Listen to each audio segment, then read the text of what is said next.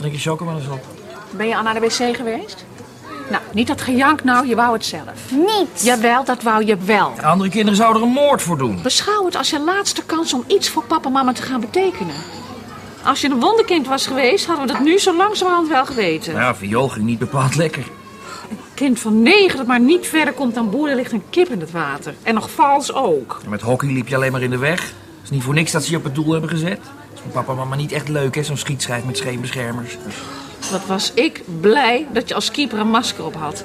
En toptennis zat er ook niet in. Zusje Kraaitjek had in de baarmoeder al meer balgevoel dan jij na zes jaar privéles. En aan die leuke leraar heeft het niet gelegen. Nou, drink op. Of niet meer. Als je er langer dan twee jaar over doet, verlies je bij voorbaat van Laura Dekker. Ja, kan je fluiten naar het Guinness Book of Records. is alles voor niks geweest. Nou, je zwemvest is aan, je hebt je mobiel, je mueslireep en je hebt je dikke trui. We hebben een goede deal met Arnie Oerlemans, dus de camera's houden je voortdurend in de gaten. Ja, als er wat is, dan zien we het vanzelf op tv. Say cheese. Nou, schuitjepoepje, of eh, hoe heet je ook weer? Annelies. Behouden vaart, hè, of hoe ze dat ook noemen. Dag! Kijk Monique.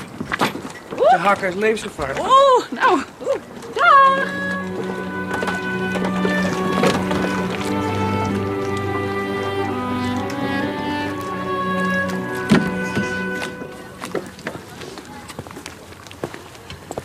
Wat doen we, Jor? Saint-Tropez? Ligt eraan. Komt ze daar langs. Geen zin om er voor de voeten te lopen. Even nog sms hoor, dat ze zich niet moet laten piepelen door Somalische piraten. Ach. Nee, heb ik de mobiel nog in mijn tas. Zou ze die nodig hebben, denk je? Nou ja, T-Mobile heeft in deze haven al amper bereik. Laat staan op volle zee.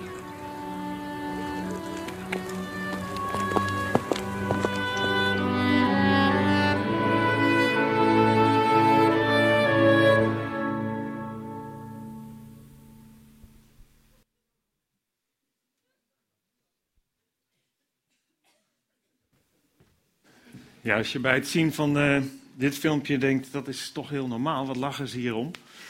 Dan eh, willen we graag met je in contact komen. Dankjewel. Ja, vandaag eh, het derde deel in de serie Het kan anders. Een serie die gebaseerd is op het boek van Brene Brown met als titel De kracht van kwetsbaarheid.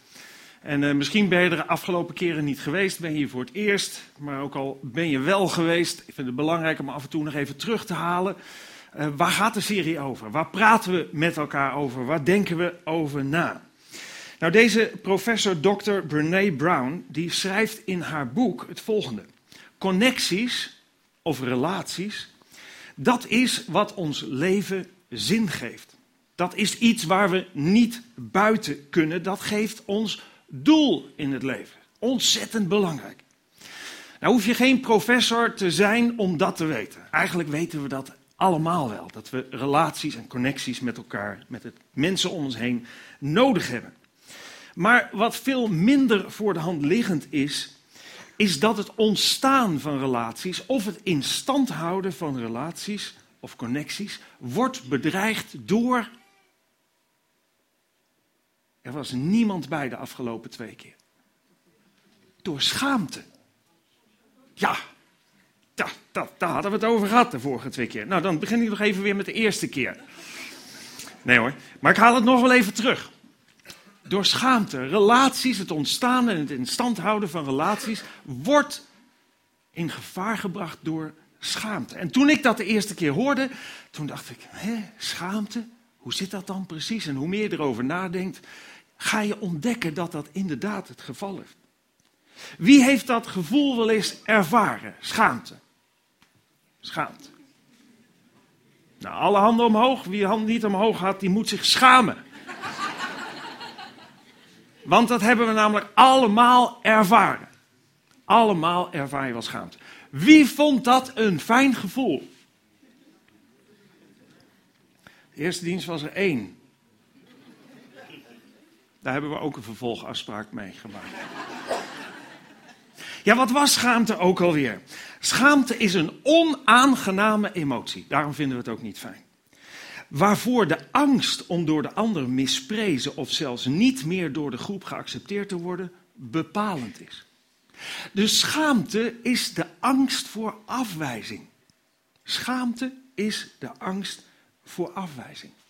Bij schaamte vraag je je af: is er iets aan mij waardoor als andere mensen dat zouden weten of zouden zien, dat het niet meer waard is om met mij verbonden te zijn. Of dat mensen zich van mij los willen maken om die reden. Je schaamt je voor dingen en schaamte is een angst om afgewezen te worden. Afgelopen vrijdag was ik jarig, twee dagen geleden. En toen gingen wij samen uh, met onze kinderen uit eten. Ik, werd, uh, ik ben 41 geworden. Was nou jammer dat jullie daar zo om lachen. Is het, dat had toch best gekund? Nee? Hm, jammer. Nou, 51 dan. Ik zal eerlijk zijn. 51 geworden. We waren uit eten. En uh, ik weet niet of het de leeftijd is, maar op een, een of andere manier knoeide ik met saus. Op mijn witte overhemd. Ja, wie de eerste diensten was en perfectionisme hebben meegemaakt en waar ik open ben geweest over mijn valkuilen, weten dat ik dat niet prettig vond. Zeker als je in een restaurant bent, zo'n wokding, uh, waar je de hele avond door de hele uh, toko moet lopen om je eten te verzamelen. Ja, dat is extra vervelend. Ja. Um, dat vlekje, daar werd ik op gewezen. Door iemand die aan tafel zat. Ik zal niet zeggen wie, maar iemand die aan tafel zat. Die zei, ah, je hebt een vlek op je... Ja. Vanaf dat moment is het een stuk minder leuk natuurlijk. Ah, zo erg was het ook niet hoor. Maar ja, ik had een vest aan en die heb ik iets hoger dicht gedaan. Het was zo warm daar. Maar ja, toch een beetje, ja, wat denken ze van je als je ziet rondlopen? Um, hé, uh, hey, er loopt er een met een vlek, zou die het weten? Of, nou ja, al, al dat soort dingen erbij. Ja, zijn leeftijd, ik zei het al. Ja. Um, dus eigenlijk zie je dat schaamte, en dat hebben de eerste keer heb ik dat ook gezegd, schaamte ontstaat meestal door dingen die door een ander tegen je worden gezegd. Of door een stemmetje van binnenin, waardoor je denkt te weten hoe een ander over je denkt. En je daardoor die angst krijgt. De eerste keer hebben we gezien dat schaamte, in de Bijbel althans, voor het eerst voorkomt wanneer de wereld die God volmaakt gemaakt had, zijn volmaaktheid kwijtraakte doordat mensen zich afkeerden, Adam en Eva, de eerste mensen zich afkeerden tegen God. En daar stond in Genesis 3, lazen we dat, toen zij dat hadden gedaan, wat hadden ze gedaan? Ze hadden gezondigd. Ze hadden gegeten van de boom waarvan God had gezegd, daar mag je niet van eten. En het ging niet om de boom, het ging om het feit dat zij zich inlieten met de tegenstander van God. En er staat er, toen zij dat hadden gedaan, viel het hun opeens op dat ze naakt waren en zij schaamden zich. Ze schaamden zich voor hun naaktheid. En wat was de reactie van God toen Adam zei dat hij zich schaamde voor zijn naaktheid? God zei dit: Wie heeft je verteld dat je naakt bent? Oftewel, dat komt niet van nature, schaamte. Schaamte wordt je aangepraat. Oftewel, zij gingen in conclaaf, zij lieten zich verleiden door het kwaad. Het kwaad ging met hun in gesprek, ze lieten zich verleiden tot zonde. En, en op een, een of andere manier is hun aangepraat, hé, hey, je bent naakt en dat is niet normaal. Hé hey Adam, dat kan niet hoor. Wat er allemaal rondslingert, dan moet je afdekken een beetje. Dat is niet, dat netjes. Moet je schamen als je zo, zo zonder iets loopt. Dus nou, toen kreeg je dat bekende vijgenblad en later andere kledingen, noem maar op. We lopen nog steeds met kleding. Schaamte werd hun aangepraat. En God wist dat. Wie heeft je verteld dat je naakt bent? Nou, ik, ik zou me ook niet hebben geschaamd als niemand op die avond dat wij zaten te eten zou hebben gezegd: Je hebt een vlek op je overhemd. Had ik nergens last van gehad. Toch? Nee. Een heerlijke avond gehad, had ik nu ook. Maar toch zat dat een beetje dwars, zeg maar. Er zijn natuurlijk dingen die makkelijk op te lossen zijn. Zo'n vlek haal je er niet uit. Je rijdt ook niet naar huis om een ander overhemd aan te trekken. Kijk, als ik bijvoorbeeld hier naar, naar, naar de stoel loop en, en iemand ziet dat ik mijn gulp open heb vlak voordat ik het podium op moet, dan vind ik het wel fijn als je het zegt. Dat kan ik ook heel makkelijk oplossen als de rits niet kapot is. Ja, dat, dat is wel fijn. Of als je, weet ik veel, iets op je tanden hebt of zo, nou, dan is het fijn als iemand dat zegt. Maar Schaamte wordt je altijd aangepraat. En schaamte is zo'n nare emotie dat we er veel voor over hebben om ons niet te hoeven schamen. En daarom, daarom creëren we ook mechanismen in ons leven om schaamte uit de weg te gaan. Maar die mechanismen zijn vaak nog destructiever dan eigenlijk de schaamte of het risico te lopen je te schamen. Twee mechanismen hebben we al genoemd in de afgelopen twee weken. De eerste was perfectionisme. Perfectionisme. Door alles zo perfect mogelijk te doen, probeer je te voorkomen dat je je ergens voor hoeft te schamen. En als je denkt dat je niet perfect kunt doen, dan doe je het niet. Dat is perfectionisme. Misschien herken je erin. Wat zijn de gevolgen? Nou, uitputting, want het is, eh, de perfectie bestaat niet, is niet mogelijk. Dus je wordt uitgeput als je dat altijd maar wilt. Het is onbetaalbaar. En je laat heel veel kansen liggen van dingen waarover je twijfelt of je het kunt. Maar je had het kunnen proberen. Maar omdat je angstig bent dat je je zult moeten schamen voor dat wat je presteert of neerzet, doe je het helemaal niet. Dus veel kansen die je blijft laat liggen. En sociaal isolement. En dat is nou precies wat je probeert te voorkomen met dat mechanisme perfectionisme. Maar dat ontstaat daar wel door. Sociaal isolement, omdat mensen gek van je worden, dat je altijd alles tot in de puntjes, je drijft mensen tot waanzin daarmee. Sociaal isolement, omdat je het ook niet kunt waarmaken, omdat je in sommige situaties terugtrekt. Nou, noem allemaal maar op. Dus wat je wil voorkomen, ontstaat eigenlijk. Vorige week heeft Martin gesproken over het groene gras. Schaamte voorkomen door je te spiegelen aan anderen. Zoveel mogelijk doen en zoveel mogelijk willen hebben wat anderen ook hebben en wat anderen ook doen. Om op die manier niet afgewezen te worden, die angst voor afwijzing niet te voelen. Want je hebt dezelfde auto, je doet dezelfde cursus, je hebt hetzelfde huis. Eh, je kinderen lopen ook in O'Lilly en noem allemaal maar op, het klopt allemaal. En daarom hoef je niet te schamen. Spiegelen. Met als gevolg ook weer, het is intensief, het is onbetaalbaar. Het leidt tot ontevredenheid en jaloezie als je het niet kunt waarmaken en de andere wel geaccepteerd wordt, terwijl jij niet geaccepteerd wordt. Onechtheid. Je doet je heel anders voor dat je bent. Je wil helemaal niet zo zijn, je wil er helemaal niet zo bij lopen of je wil helemaal die auto niet, maar omdat de buurman of de hele buurt hem heeft, neem jij hem ook. Onechtheid, onzekerheid en ook weer een sociaal isolement. Want in relaties is het juist belangrijk om authentiek te zijn. Dus je relaties worden daardoor nooit diep, terwijl je daarnaar verlangt. Blijft altijd oppervlakkig, buitenkant. Nou, de titel van vandaag, het derde mechanisme, is tussen droom en daad. Dat is de titel. En deze is heel gemeen ook. En, en heel destructief voor jezelf, maar zeker ook voor mensen om je heen. Mensen die het dichtst bij je staan. Tussen droom en daad. Wat is jouw droom over, een, over het hebben van een ideale vriend of vriendin? Het hoeft niet eens een romantische relatie te zijn, maar gewoon een vriend of vriendin voor het leven. Goede vrienden. Wat is jouw droom over de ideale echtgenoot of echtgenote? Wat is jouw droom over je ideale zoon of je ideale dochter? En er zijn allemaal mensen die dicht bij je staan en waar je misschien wel een droom over hebt, hoe je graag zou willen dat ze zouden zijn, maar hoe ze inderdaad, tussen droom en daad, hoe ze in hun daden, in hun zijn zijn, ja, dat valt soms heel erg tegen.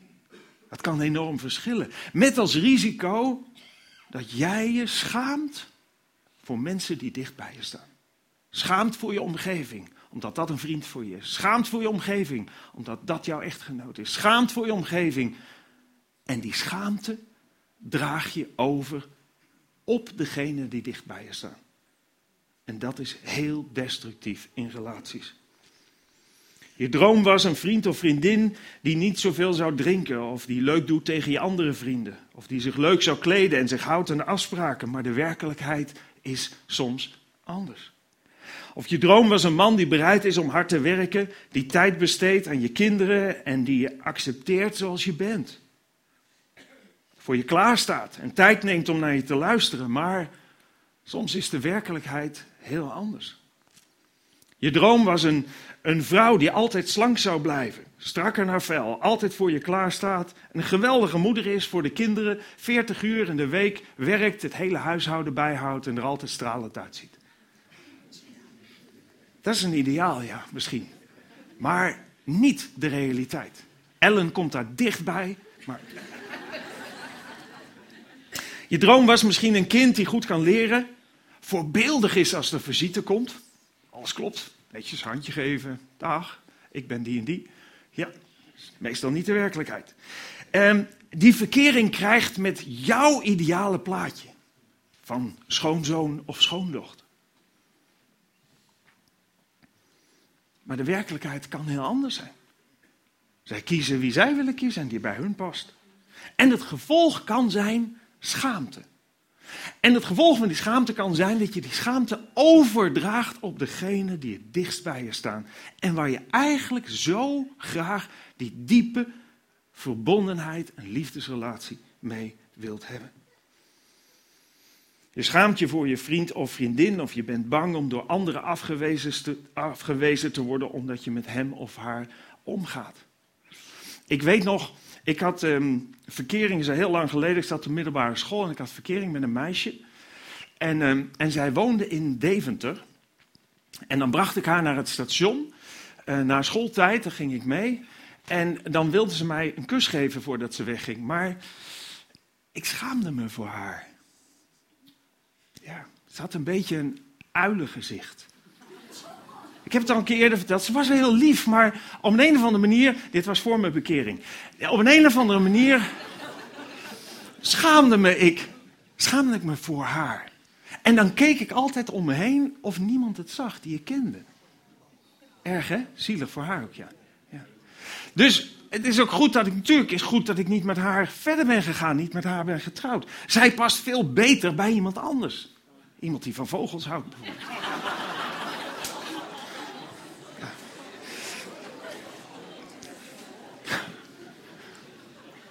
Ja, erger, sorry. Ja. Het is vast goed gekomen. Ja. En zo kun je je schamen. Maar die schaamte mag er nooit zijn voor mensen die dicht bij je staan. Want die schaamte maakt het onmogelijk om een diepe verbondenheid te hebben. En welk mechanisme, ik heb het al gezegd, hanteer je dan om te voorkomen dat jij je moet schamen? Je draagt jouw schaamte over op die ander in de hoop dat de ander daardoor verandert. Dat je laat merken of laat zien of laat blijken. En dat blijkt gauw genoeg. Dat je voor hen schaamt in de hoop dat ze zich dan zullen aanpassen. En zullen veranderen. Anders worden, zodat jij je niet meer hoeft te schamen. En dat is nou precies wat in deze relaties nooit mag gebeuren. Al deze relaties, goede vriendschap, vrienden voor het leven, huwelijk, kind-ouder-relatie, al deze relaties zouden een onvoorwaardelijk fundament moeten hebben. Anders is echte liefde en diepe verbondenheid, waar je ten diepste ook naar verlangt, niet mogelijk. Kijk, met de lokale supermarkt heb je een voorwaardelijke relatie en dat is prima. Ah, zolang de prijzen goed zijn en zolang ze open zijn op de tijden dat jij je inkopen wil doen en zolang de kwaliteit goed is, koop je bij Albert. Ik noem er eentje. Albert Heijn. Maar komt dat niet meer overeen met je wensen, dan ga je zo over en ga je kopen bij de Jumbo of de C1000 of wat dan ook. Waarom? Ja, dat past beter. En die voorwaarden zitten erin en daar is niets mis mee. Maar in relaties in deze relaties mag het voorwaardelijke niet komen. Dat moet onvoorwaardelijk zijn. En het huwelijksbelofte is eigenlijk een voorbeeld van zo'n onvoorwaardelijk fundament. Als het echt een huwelijksbelofte is, als je het echt meent en je ook je eraan houdt. Niet alleen de intentie houdt, dat is tegenwoordig. Zeggen we nou, tot de dood ons scheidt, maar laten we dat er maar aflaten. Want dat, ja, dat weet je nooit zeker. En zo wordt er steeds meer concessies gedaan aan die belofte, die onvoorwaardelijkheid die nodig is om die diepe verbondenheid van liefde ooit met elkaar te kunnen bereiken. Nee, in goede en in slechte tijden. In voor- en in tegenspoed. In ziekte en gezondheid. Je zegt daar eigenlijk mee, je hoeft er nooit bang voor te zijn. Je hoeft je nooit te schamen voor mij. Je hoeft je nooit anders voor te doen. Je hoeft, je niet, hoeft niet bang te zijn. Want ik wijs je niet af. Onze relatie is niet voorwaardelijk, maar is onvoorwaardelijk. Veel mensen hebben een relatie, of het nou huwelijk is, ouder kind, vriendschappen, ja, die, die, waar altijd die angst is om afgewezen te worden. En nogmaals, dat gaat je nooit opleveren waar je naar verlangt. In de Bijbel, in 1 Johannes, staat: In de liefde is geen plaats voor angst. Liefde is ten diepste waar we allemaal naar verlangen. Dat is hetgene wat ons gelukkig maakt. Die diepe verbondenheid door liefde. In de liefde is geen plaats voor angst. Integendeel, de volmaakte liefde verdrijft de angst. Angst houdt altijd verband met straf. Wie nog angst kent, kent de volmaakte liefde nog niet. Dit gedeelte van de Bijbel, het Nieuwe Testament, is in het Grieks geschreven en dat woord straf is het Griekse woord kolasis. En dat woord betekent het snoeien van bomen. Dus ten diepste heeft die angst te maken met de angst om afgesneden te worden. Om dus weggestuurd te worden. Om, om vanwege voorwaarden een relatie te laten stoppen. En liefde in bijvoorbeeld het huwelijk komt ten volle tot zijn recht wanneer man en vrouw echt één worden. En de angst voor afwijzing, schaamte, staat die eenwording volledig in de weg. In de Bijbel staat het volgende. In het begin, bij de schepping, maakte God de mens als man en vrouw, complementair en voor elkaar bestemd. Daarom verlaat een man zijn vader en moeder om zich te hechten aan zijn vrouw. En die twee zullen één zijn. Geestelijk, emotioneel, lichamelijk. Ze zijn dus niet langer twee, maar één. Wat God zo heeft samengevoegd, mag een mens niet scheiden. En waarom zegt God dat? Omdat die eenwording en het bereiken van die diepe verbondenheid, met lie, uh, diepe verbondenheid in liefde zo moeilijk is, maar zo gaaf is, dat je eigenlijk de achterdeur moet dichttimmeren. Dat je eigenlijk moet zeggen, scheiding is geen optie, want als scheiding een optie is, ligt schaamte op de loer gedurende de relatie. En als schaamte onderdeel is, als de angst voor afwijzing een onderdeel is van je liefdesrelatie, dan kan een relatie zich nooit verdiepen zoals je dat het liefste zou willen. Je moet fouten kunnen maken in een relatie. Je moet eerlijk kunnen zijn over jezelf zonder de angst om afgewezen te worden. Je moet tijd hebben om te kunnen werken aan je karakter, om één te kunnen worden. Ik heb wel vaker gezegd, in, in verreweg de meeste gevallen, laat ik zeggen in veel gevallen, is een echtscheiding een gemiste kans aan karakterontwikkeling. Zou je juist die diepte en die onveiligheid met elkaar moeten ingaan? En dat moet je samen willen en anders werkt het niet. Om tot die diepere liefde en verbondenheid te komen. In het boekje Het Mysterie van het Huwelijk staat het volgende. Daar staat het huwelijk, maar het geldt net zo voor vriendschappen. Uh, het geldt net zo voor vader-kinder, ouder-kinderrelaties. Het huwelijk is op zijn best een wedstrijd waarbij elke partij aan het verliezen is om uiteindelijk samen te winnen. Bereid zijn delen van jezelf op te geven ten gunste van de eenheid. Een touwtrekwedstrijd tussen twee willen die beide even vastberaden zijn niet te winnen. Alleen met zonhouding heeft het huwelijk kans van slagen. Alleen met zonhouding, waar egoïsme, voor egoïsme geen ruimte is, waar voor je eigen voorkeuren geen ruimte is, waarvoor het gaat om het één, alleen die relaties leiden tot een diepe verbondenheid. In een ouder-kindrelatie ligt schaamte ook als sluipmoordenaar op de loer. We zijn allemaal kind geweest. En we hebben die situaties misschien allemaal wel geproefd. En toen ik erover las en erover nadacht, en dan denk je natuurlijk ook na over je eigen kinderen en hoe je met dingen bent omgegaan. En dan zie je hoe subtiel schaamte op de loer ligt en hoe subtiel je jouw schaamte kunt overdragen op je kinderen. Maar hoe subtiel ook je dingen kunt zeggen die schaamte bij je kinderen teweeg brengen. Als je kind niet de waarheid spreekt, wat zeg je dan? Als je zegt, je bent een leugenaar, dan ligt schaamte op de loer. Je bent een leugenaar. Je bent niet lief. Je bent niet aardig. Uh, je hebt niet goed je best gedaan, kan, maar je bent dom. Of je bent niet mooi, of je bent dik, of al dat soort dingen. En je denkt dat het ene duidelijk is en het andere niet is. Allebei leidt het subtiel tot schaamte. Waarom?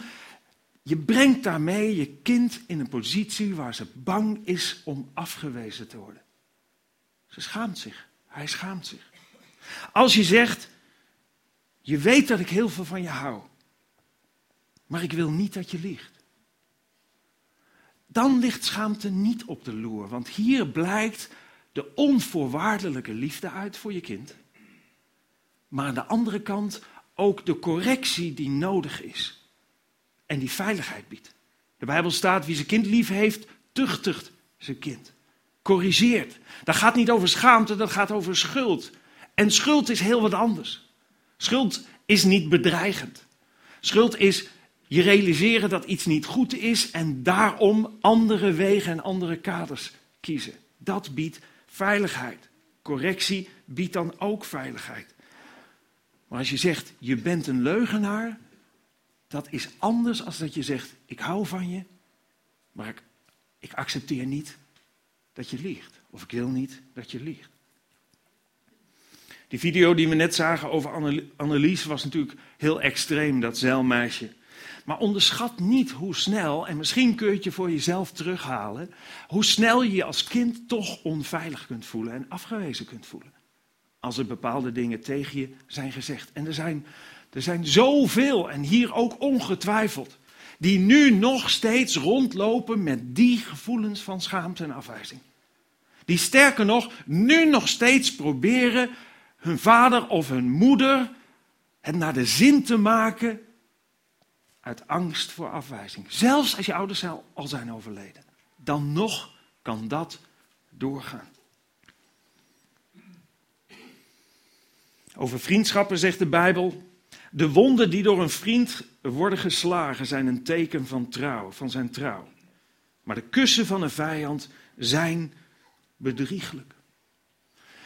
De wonden door een vriend geslagen. Andere vertaling zegt, liefdevol zijn de wonden door een vriend geslagen. In een goede relatie, waar geen angst voor afwijzing is. Waar onvoorwaardelijke acceptatie is van elkaar en waar je wil zoeken naar een verdieping van de relatie, moet je moeilijke dingen kunnen zeggen. En dat zeg je omdat je weet dat dat goed is voor de ander, niet omdat het goed is voor jezelf. Bedriegelijk zijn de kussen van de vijand. Die zeggen allemaal leuke dingen over je hier en zegt daar wat anders. Of die zegt alleen maar leuke dingen tegen je om je daar te krijgen waar hij je hebben wil. Dat is bedriegelijk. Daar schiet je niks mee op. Maar liefdevol zijn de wonden door een vriend geslagen. Moeilijke dingen durven zeggen. En durven zeggen omdat je weet, ik wijs jou niet af. Ik hou van je. En ik zeg deze dingen omdat ik van jou. Toen ik me aan het voorbereiden was hierop, toen dacht ik bij mezelf, ik geloof in God. Met heel mijn hart. Dat God bestaat, dat Hij liefde is, dat Hij van me houdt, dat Hij de schepper is, van de hemel en de aarde, dat hij de schepper is van mij en dat hij mij ook ziet.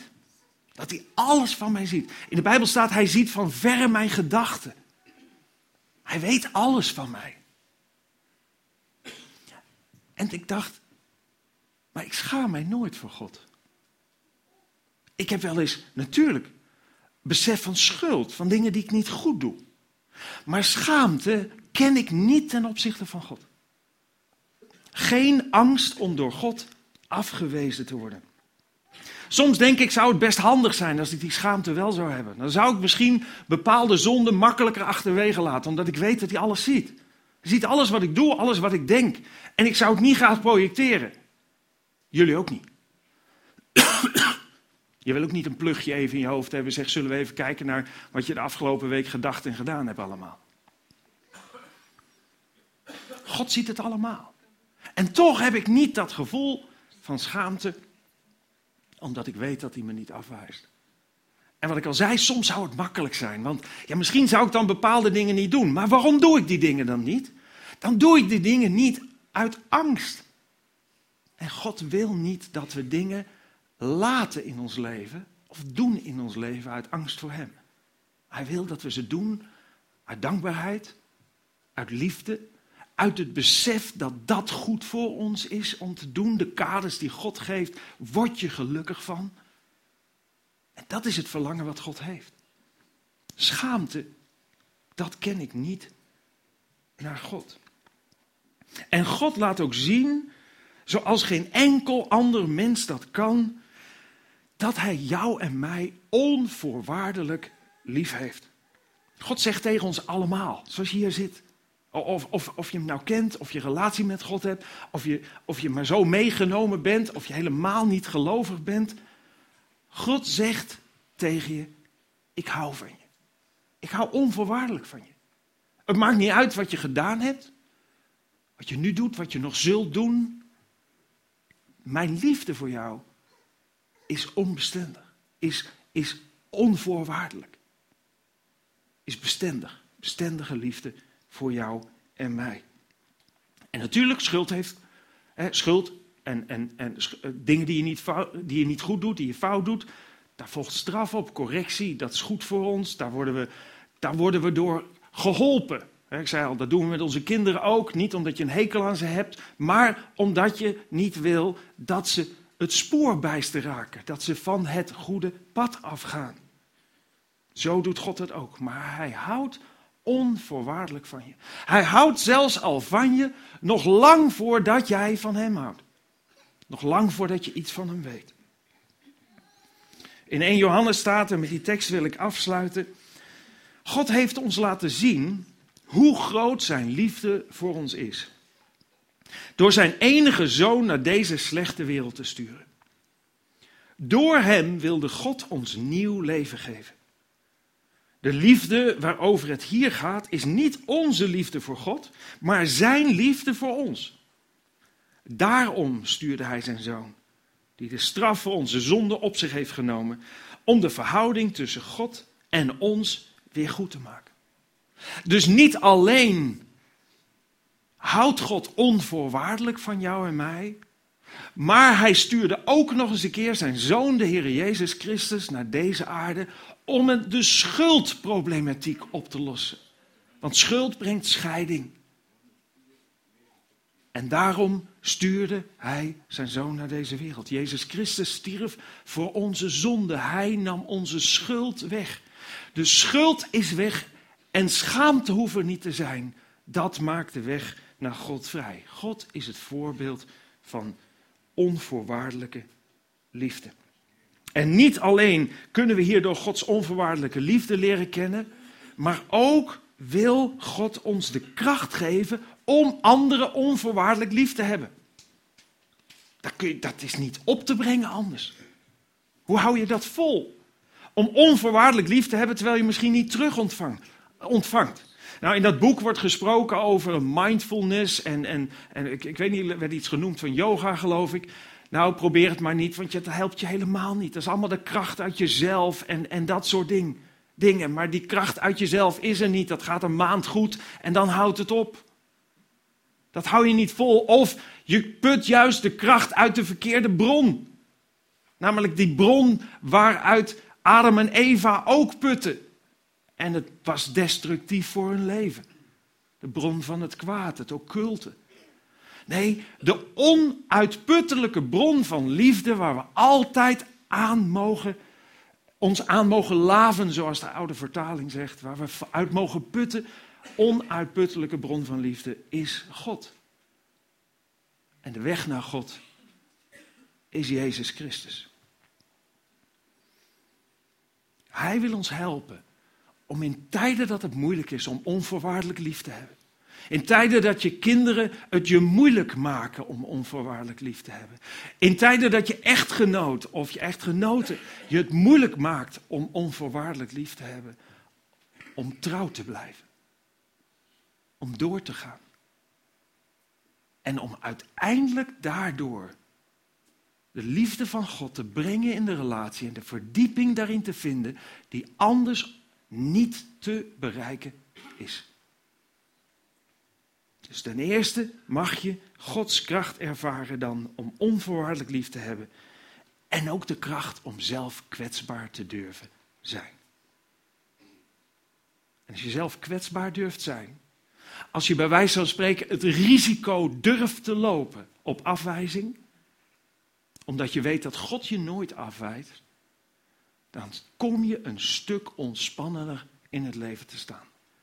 Dan is perfectionisme niet meer nodig. Dan is spiegelen niet meer nodig. Dan is je schamen voor je omgeving niet meer nodig. Omdat God je de kracht geeft om kwetsbaar te zijn. Kun je zijn zoals Hij je ten diepste heeft bedoeld. Authentiek. Echt. Zullen we samen danken. Dank u wel, Heere God, dat u zoveel van ons houdt. Heer, de hele Bijbel door kunnen we daarvan lezen. En dat uw liefde uiteindelijk zichtbaar werd in uw Zoon, de Heer Jezus Christus. Honderden, duizenden jaren is zijn komst voorspeld. Vele mensen hebben aangekondigd dat hij geboren zou worden, waar hij geboren zou worden, wat hij zou komen doen, wat zijn, zijn doel op aarde was. En op zeker moment was het moment daar. En kwam hij naar deze wereld, liet uw liefde zien, stierf terwijl hij zonder zonde was, om de prijs te betalen voor onze schuld. Dank u wel, Heer, dat, dat u het allemaal deed, omdat u van ons houdt. En ik wil u zo bidden, Heer, of u ons wilt helpen om u te vinden als we u niet kennen, geen relatie met u hebben. Help ons, Heer. U zegt, wie mij zoekt, zal mij vinden. Help ons, Heer, om u te vinden. Om naar u op zoek te gaan. Naar datgene waar we ten diepste het meest naar verlangen. Uw onvoorwaardelijke liefde. Heer, wilt u ons zo zegenen. Amen.